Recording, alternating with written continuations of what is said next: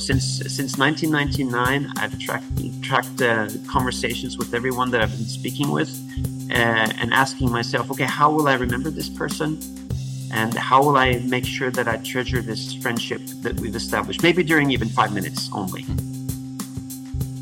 If a person is truly present, uh, listening to what you have to say, not not listening to, to to respond, but listening because he or she is truly interested in you and your perspectives. Hi, this is Søttenmålspodden with Siri Smith and Knut Vindenes. Today we are going to talk about cooperation. Remember the UN Sustainability Goal number 17, Partnership for the Goals. Uh, the SDGs can only be, re be realized with strong global partnerships and cooperation. This episode will, only, uh, will also be part of a course about cooperation for PhD students, a course made by, by um, HVL, the university we are in now.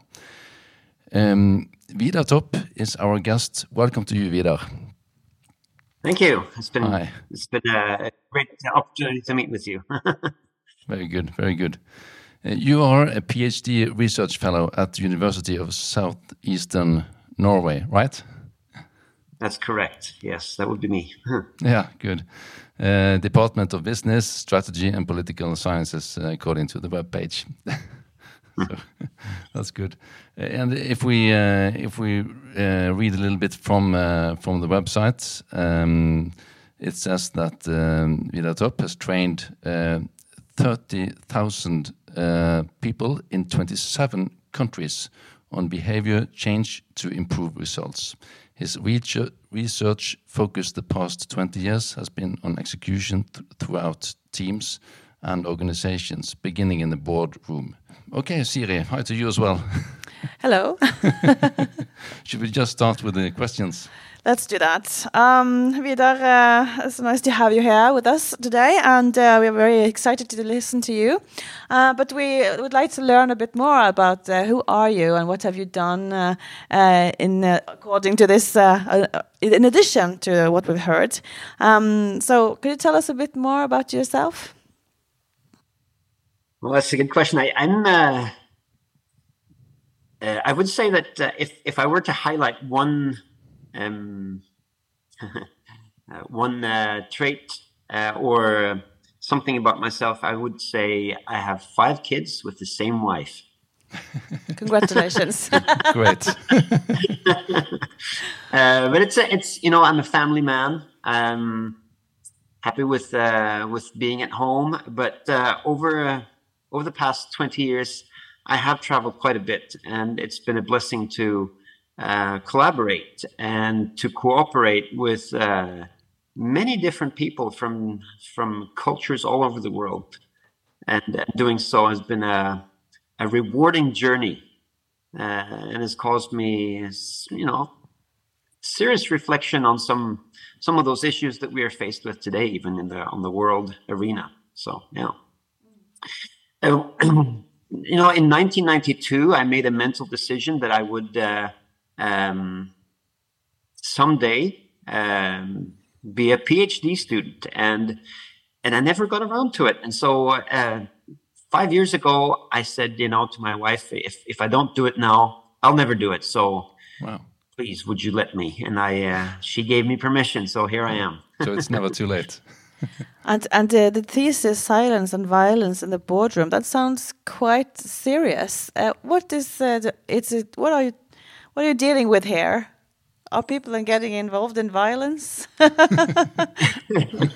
well, you know, um, I think uh, what we're looking at here in this this research project that I'm involved in is is the the minuscule, the the the the minimal and the very almost sometimes invisible behaviors that we execute and um, and live out among our colleagues uh, and also in the boardroom small things like um, uh, looking at someone with an angry stare or uh, maybe even cutting someone short maybe you know slightly uh, raising your voice or using your finger uh, to point out that uh, you better not disagree with me because then you are in trouble.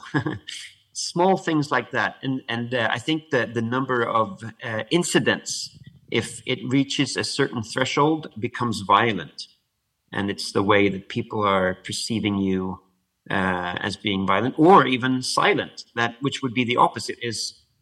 If, we, if I were to define it real quickly and simply, uh, violence is forcing your opinions on others, and silence would be withholding your information um, for some reason.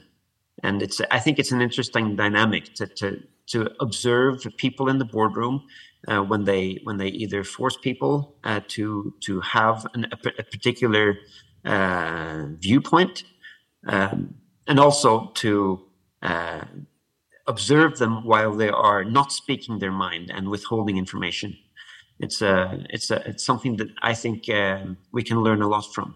And this is what impressed me when I read the book, because there are mechanisms which we uh, should not take for given that we that we um, avoid. I mean, there, there are.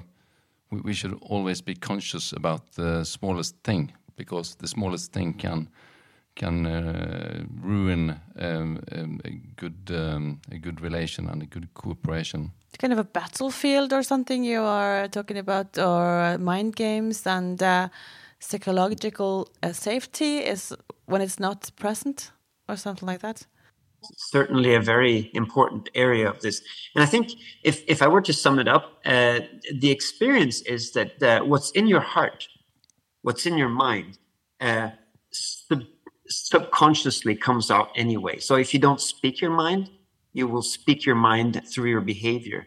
Hmm. And so you better be aware of how you feel about the, the other people in the room because hmm. uh, either way, it's coming out. Hmm. That's interesting.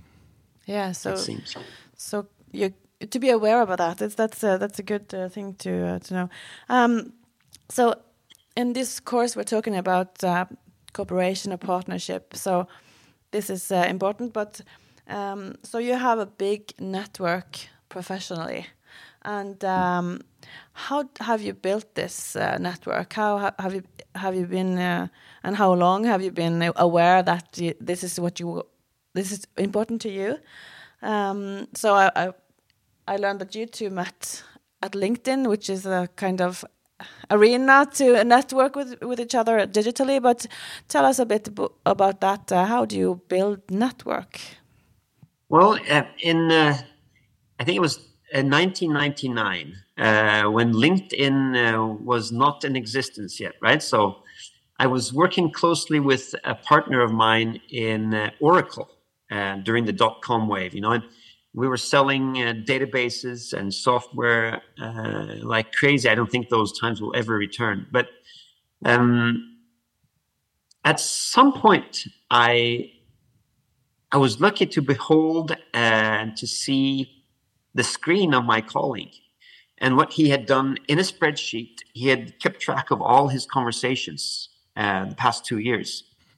And what really struck me in, in a moment was wow, he's tracked every conversation and he's keeping he's keeping a log of people that he's actually spoken with and knows and he keeps data and i was thinking the power of of focusing on one person at a time and to do so really well hmm. uh, is quite powerful.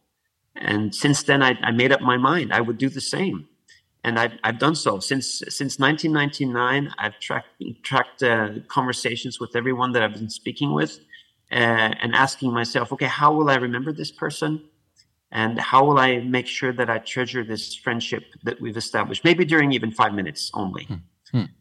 and it's turned out to be a an interesting exercise for sure. Uh, interesting in in what way? Well i think uh, let me give you one example. It's a brief anecdote of um, uh, a person that i spoke with in israel many years ago. This was in 2003 uh, we, he and i had a conversation and my colleagues uh, said to me, you know, on the side, said, "Don't spend time on this guy. He's not worth it. He's not an influential type. Uh, he's just he's just an IT consultant. Why would you spend time on him? But he did ask for some some help, and I did provide the, the help that he needed. And uh, because I, I feel that that people have inherent value regardless of who they are and what role they have. Uh, and we built a friendship, even though it was during just you know a, a few email in, interactions and uh, conversation on the phone. Then one year later, uh, I get an email and it says, uh, uh, Vidar, I would like to speak with you. Uh, we are going to make a major decision with regards to the CRM system of our hospital. And he had become the, the, the IT director of a large hospital in Israel. And because he and I had a relationship, uh, I was able to, to provide him with, with a major deal, a contract. Hmm. Uh, and I think it was because uh, he realized that uh, that I valued him as a person, not just uh, as a as a, a, person filling a role. So hmm. yeah, so just kind of be genuine in hmm. your relationship with uh, whoever you meet on your way, because mm -hmm. it could be a, a, thing you can, yeah, benefit from or not benefit. That was kind of wrong word, but yeah, it could be a nice thing to to in the the future to build on. Yeah, but also the value hmm. of valuing uh, people as as important enough that everybody are mm. as important as, as others. Um, I read I read out from from that story. And I, I, believe we can sense this in every conversation that we have. If a person is truly present, uh, listening to what you have to say, not mm.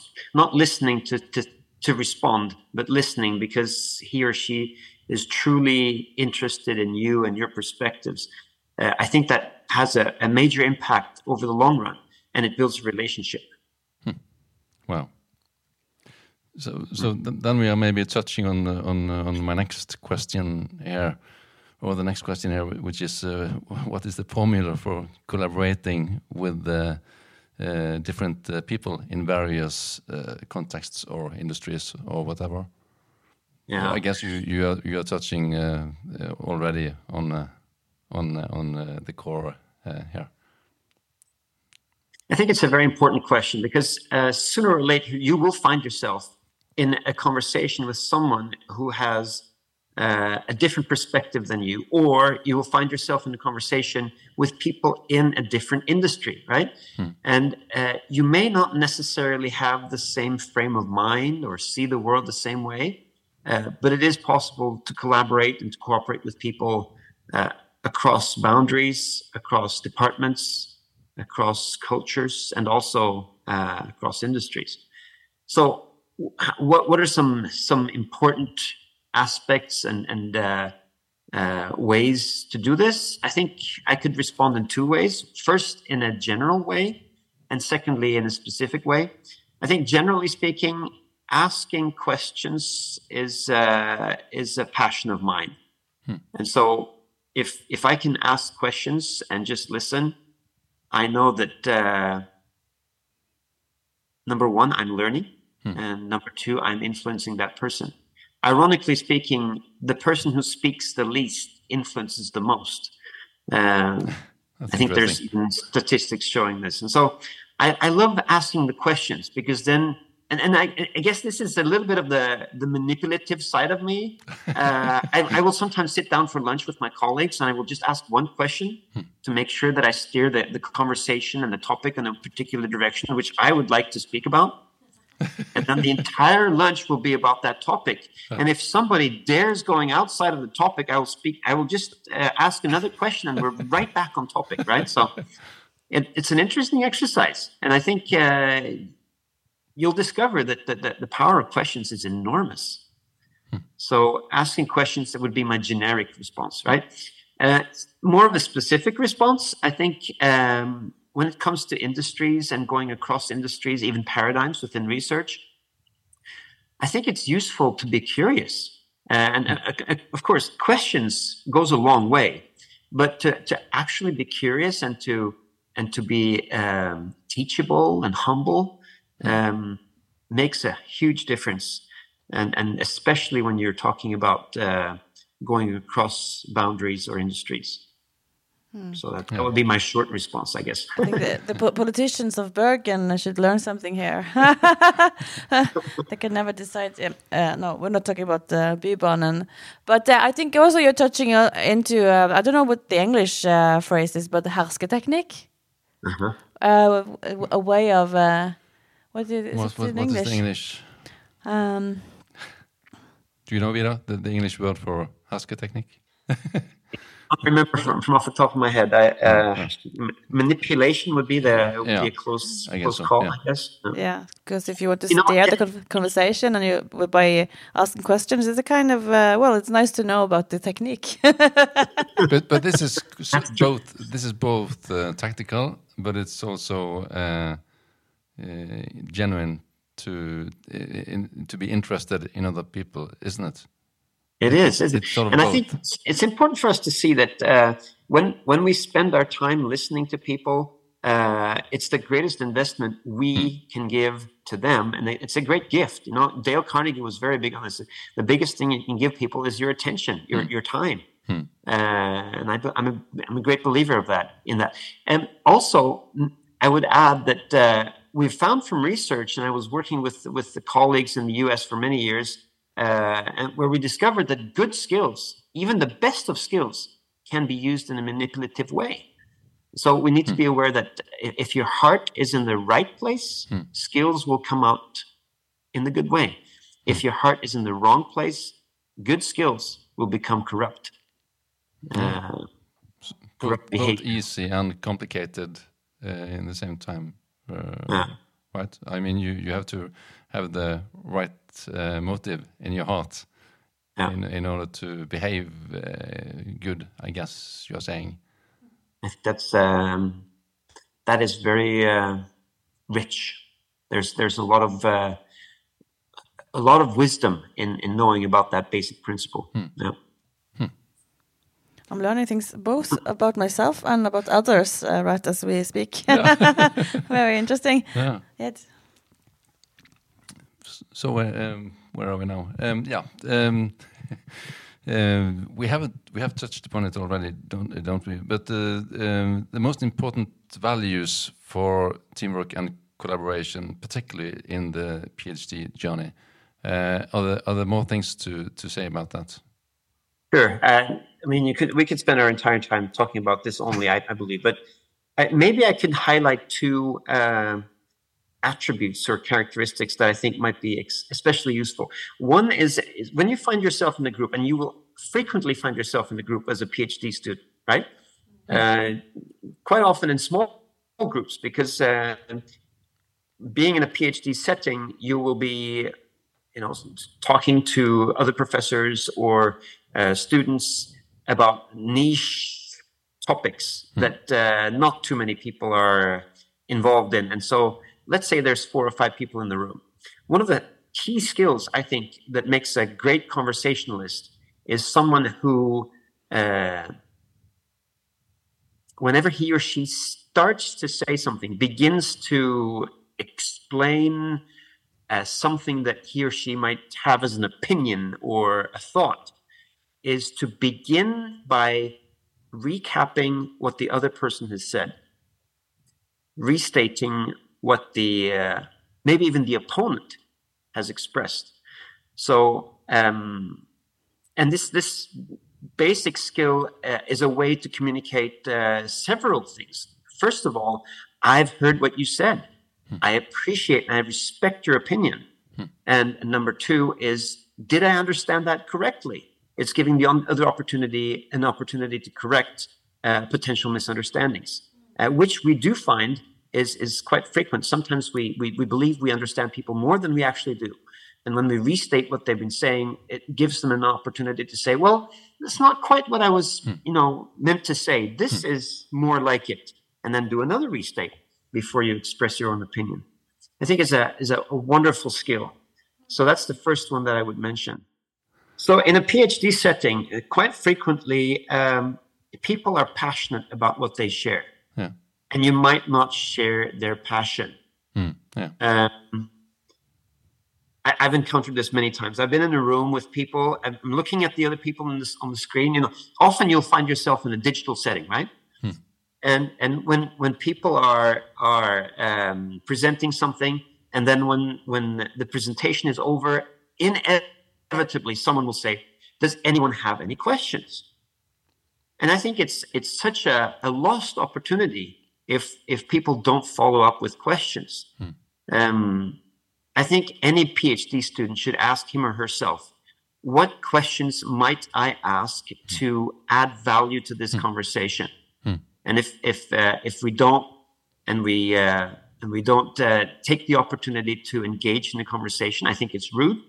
I think it's uh, uh, I think it's quite elementary actually to, to participate and to add value. Hmm. And um, if you don't have any questions, of course, you can always fall back on some really basic uh, questions like, uh, so how would you express your uh, your research in one sentence? Hmm. I mean, that's a, that's a great hmm. uh, way to help everybody get back on the same page. Hmm. Uh, you could ask, um, what's the research gap that you're trying to fill? I mean, those are some basic questions that any PhD student can ask. And, and if you if you don't have any questions, fall back on the basics. Hmm. Uh, would be my would be would be my input. So uh, yeah.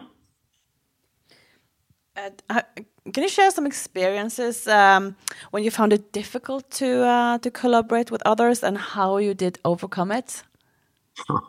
that's, a, that's an excellent question and I wouldn't be able to count the, the number of times where I found myself in a, in a challenging situation, uh, trying to collaborate or to reach a goal with other people.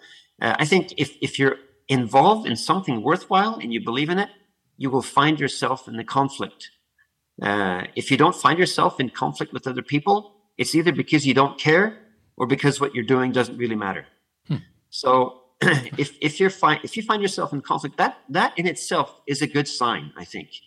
And so, um, let me give you an example. So I was I was in a small group of people uh, trying to uh, uh, implement a project that was quite demanding, and one of the people, one of the participants in this project, did not uh, engage the way that I would like him or her to do, and I admit I got quite frustrated uh, in fact, I caught myself thinking about this while I'm driving the car, while I'm eating my dinner, when I'm going to bed at night and sleeping, trying to sleep, you know.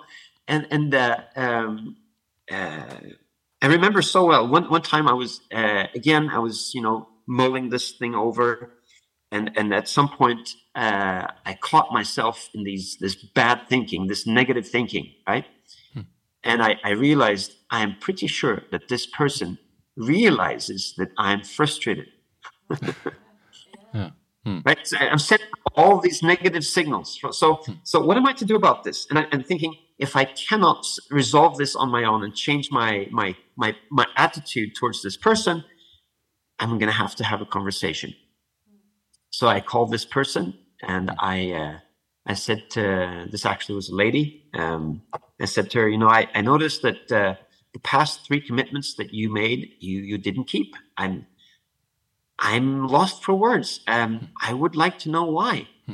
Uh, I may be mistaken. Maybe there's something that I don't realize about this, but please feel free to explain. Um, and then I paused. I'll never forget the moment where where she came back to me and said, "I'm sorry, but my my father passed away last week. Oh, I've been uh, I've been tremendously stressed over many things and uh, and it's been very difficult for me. Hmm. And I apologize. I, I would have liked to keep my commitments, but I haven't. Hmm. And and one of the the, the, the discoveries for me was um, I'm so happy that I moved into this conversation with respect. Hmm. That I didn't start my conversation with blaming and shaming and, and and pointing out all her mistakes, but I was curious and I asked for her reasons. And uh, one of the things that I've learned from this experience was that most of the time people have good reasons. They want they want to participate, they want to add value, but sometimes either they're unable or there are good reasons why they are why why they don't. And and uh, rather than being you know angry or or miserable, uh, let's be curious. Let's ask them and, and engage in the conversation without passing judgment before you know what's up. Yeah, again with the the question, it's better like a question too many than too too little, because then you you want to examine the reason why things are have become as they are. Yeah, that's a Mm. good uh, good to So, tip. so, so exploring before you sort of shoot or before you yeah, criticize or uh, make up your or decide what to think about it. Ex exploring first. So we have a question here uh, about younger generations of students refer to triggers and glimmers. I don't know if you're familiar with that, but triggers being things or actions that bring about negative reactions, and uh, glimmers being the opportunities and inspiration that bring out your self confidence and good feelings. What would you say are your triggers? Uh, that means uh, bring out negative reactions. And what are your glimmers in working with others in co-creation? yeah, that's uh, maybe a difficult question, but uh, still interesting. It's it's it's one that I could uh, respond uh, in many different ways, but I think I think a story is worth more than a thousand words, right? So, just like a picture, if you tell a story of let's say mm, sixty words, uh, you communicate a lot more than you'd be able to do in a in a long time. So, maybe I could share an experience. Um, I could either do this from from my perspective or from the perspective of another, and maybe I could share with you one of my failures. So I was a leader, and uh, one of the middle managers that I was um, trying to help it uh, improve um, wasn't doing too well, and I decided to critique him while other people were present. Um, I would count that as a trigger. Would you agree? Absolutely. Uh, in fact, you know, I was never able to repair that mistake uh, afterwards. I, I said sorry. I I didn't repeat the mistake, but for some reason the, the battle was lost. I mean, it, he he lost his his uh, passion, his uh, his glimmer, his uh, his uh, enthusiasm for the role was gone. Wow. Uh, and I think we should be mindful of this. Um, always, always, always critique people one on one and uh, compliment them in public. Uh, could be a learning point from this experience. No. Absolutely.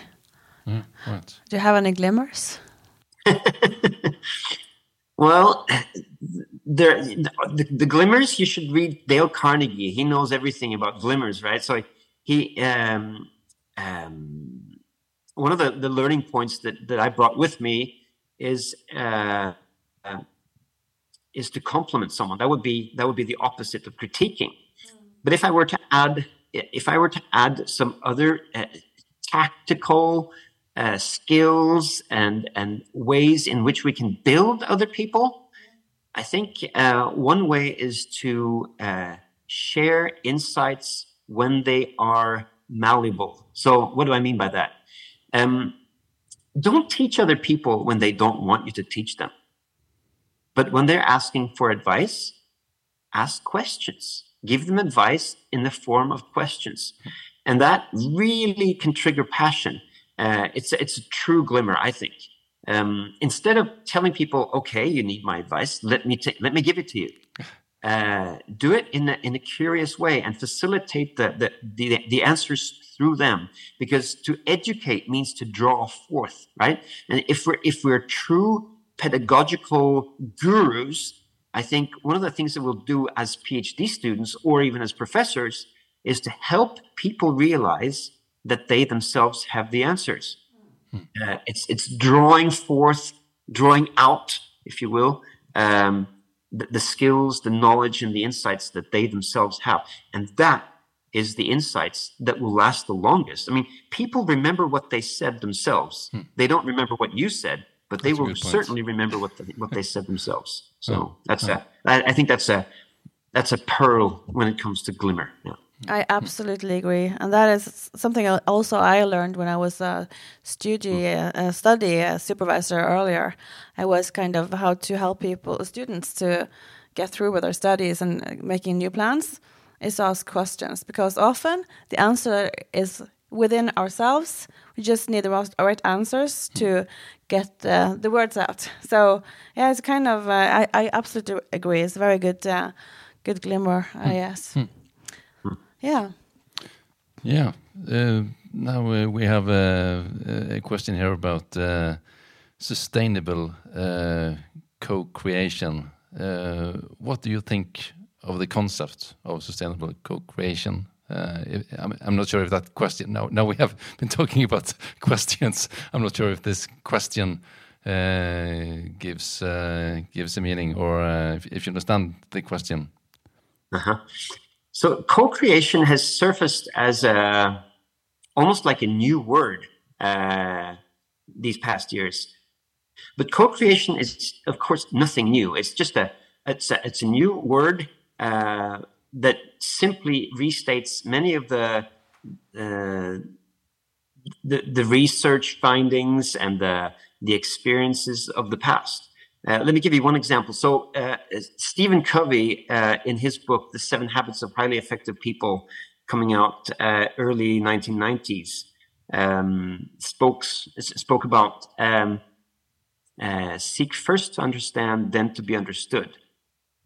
Uh, and one of the things that he emphasized with this was that the key to, to synergize or to synergy, to create synergy in a group uh, is to first listen and truly understand, and then to be understood.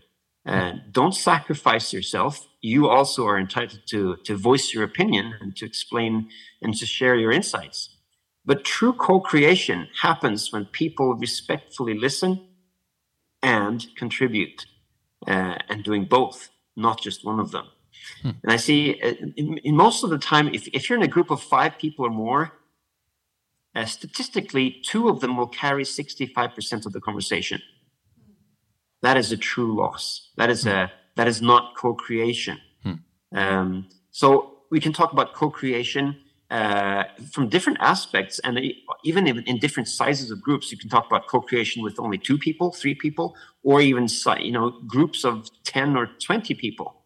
But I think the dynamics are the same. If you do not participate, you are not really co-creating. So uh, making sure that that you trigger what's between people's heads, the value that's found between people, one plus one equals three or more, hmm. I think is is the ultimate goal of co-creation, uh, so to speak. Hmm. Uh, you are conscious about these uh, things. You, you you have reflected upon them, and you have many experiences. Uh, how does elements as time, space, place, and those things maybe the more practical things uh, come into the picture here? Well, we can we can see these aspects from different angles, right? I, if if I were to highlight one, uh, I would I would uh, adjust time to be timing. Does that make sense? Time. Um, yeah. there, there's a time for, time and place for everything. And looking at the boardroom, which has been my fascination these past four years, um, there's a timing uh, and there's a rhetorical moment, if you will, uh, when there's a, a, right time to to speak about something, and then there's a time when you don't. Hmm. Uh, and knowing your timing is fairly important. So. Um, has that in, has that a lot it, to do with experience, or does uh, does any? I mean, does does uh, other qualities uh, come into the picture? Well, I think I think sometimes you'll find that uh, the rhetorical moment has passed, right? So there's a moment when when you can truly influence something, and then there's there are always I think board members who misunderstand their timing and they they will try to influence something when it's too late, hmm. and that's not that's not good or optimal co-creation. Hmm. So uh, know your time and place when hmm. when to discuss something would be an example of, of the dimension of time in co-creation. Mm-hmm. Um, I mean, there's much to be said about this, but I guess that's that's an example. What, what about the yeah place and uh, I mean the, the, the framing of a meeting, uh, for instance, and, and such things? How, how much does it mean whether you are in a neutral place or um, yeah the surroundings? I, I, can maybe share with you one example. I was uh, having lunch with Stein Erik Hagen, Rimi mm. Hagen. Uh, most Norwegians will know who he is. Um, he uh, he is the, the the the main owner of uh, Orkla, hmm. and uh, he was sharing with me some of his personal experiences with the board. And uh, one of the things that he experienced was that there was a topic that was especially difficult to discuss, and he decided to bring the board outdoors. He said, "Let's go for a walk," and so they went out outdoors. And one of the people that had a little bit of trouble sharing their thoughts and insight, insights uh, once he or she came outdoors, it loosened up and it was easier to talk about those those hot topics or difficult issues that they they were meant to discuss. And I think that was a great insight because um, sometimes the place does matter, hmm. and and it does affect the co-creation. Yeah, yeah. Well, we are uh, getting near to the end, but uh, would you uh, mind to um, try to sum up your uh, most important points about uh, cooperation or co-creation that we've been discussing, or if there is something we should ask you that we haven't, feel free to uh, to um, do do the addition. well, I think I think there's there's always much fun to share in the con conclusion, right? But if if I were try to were to try and sum up some of the things that we talked about, uh, maybe uh, a research uh, finding uh, many years ago would be uh, worth a. And I think research goes a long way, uh, especially if you if you combine it with an anecdote or a story. it makes a big difference. So, so here's an example of what I think we've been talking about today. Um, uh, a research subject was asked to tap the rhythm of happy birthday to you. Like this happy birthday to you right? But without the song only tapping the rhythm. And then the question was if you do that how many people will recognize which song you are tapping the sound to? Hmm. and the, the expected percentage i think was around 70% so people suspect that, oh, he'll easily get the idea. And then they did the research. They, they actually tapped the song Happy Birthday to You without the, the melody. And only, I think it was about 15% of the people actually recognized the, the rhythm and the song. And the question is, why? And what does this teach us? And one of the, the, the key points that was brought forward with this research, uh, and I'll never forget, was when we tap the song, when we, when we tap the rhythm in our head, we will sing the song. And we believe that the other person hears the same song, but they don't. They only hear the tapping. And I think with many of the things that we communicate on a daily basis, it is the same. We, we tend to communicate uh, with our thinking and our words, but the other person only hear the word, hears the words. Hmm. And that's a major difference. And so we, we tend to misunderstand each other much more than we actually understand each other. What about that? I think maybe that's why you have five kids with the same wife.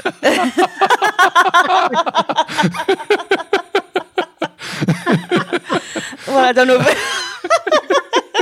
that's a great. That's a great way to end. okay. Fantastic. Yeah, but I think it's very very smart and uh, to to hear you say that because I think it's actually true. Mm. We are mm. we are communi communicating with our body and faces and also what you have in our heads. But uh, people often maybe only hear the words, and if your body language is saying something else than the words, you are very confusing to others. But uh, if you're not aware of it, it's a very it's a challenge. so yeah, okay. Yeah, you know, it was uh, great to have you here as a guest. It was uh, our honor to uh, to speak to you and uh, to to hear hear your uh, reflections and uh, from your experiences and your research. Thank so you thank for you. having me. It was great. Thank yeah, you. Thank you very much. Du har nå hørt en podkast fra Høgskolen på Vestlandet. Du kan høre flere podkaster fra oss ved å gå inn på nettsiden hvl.no. slash podkast.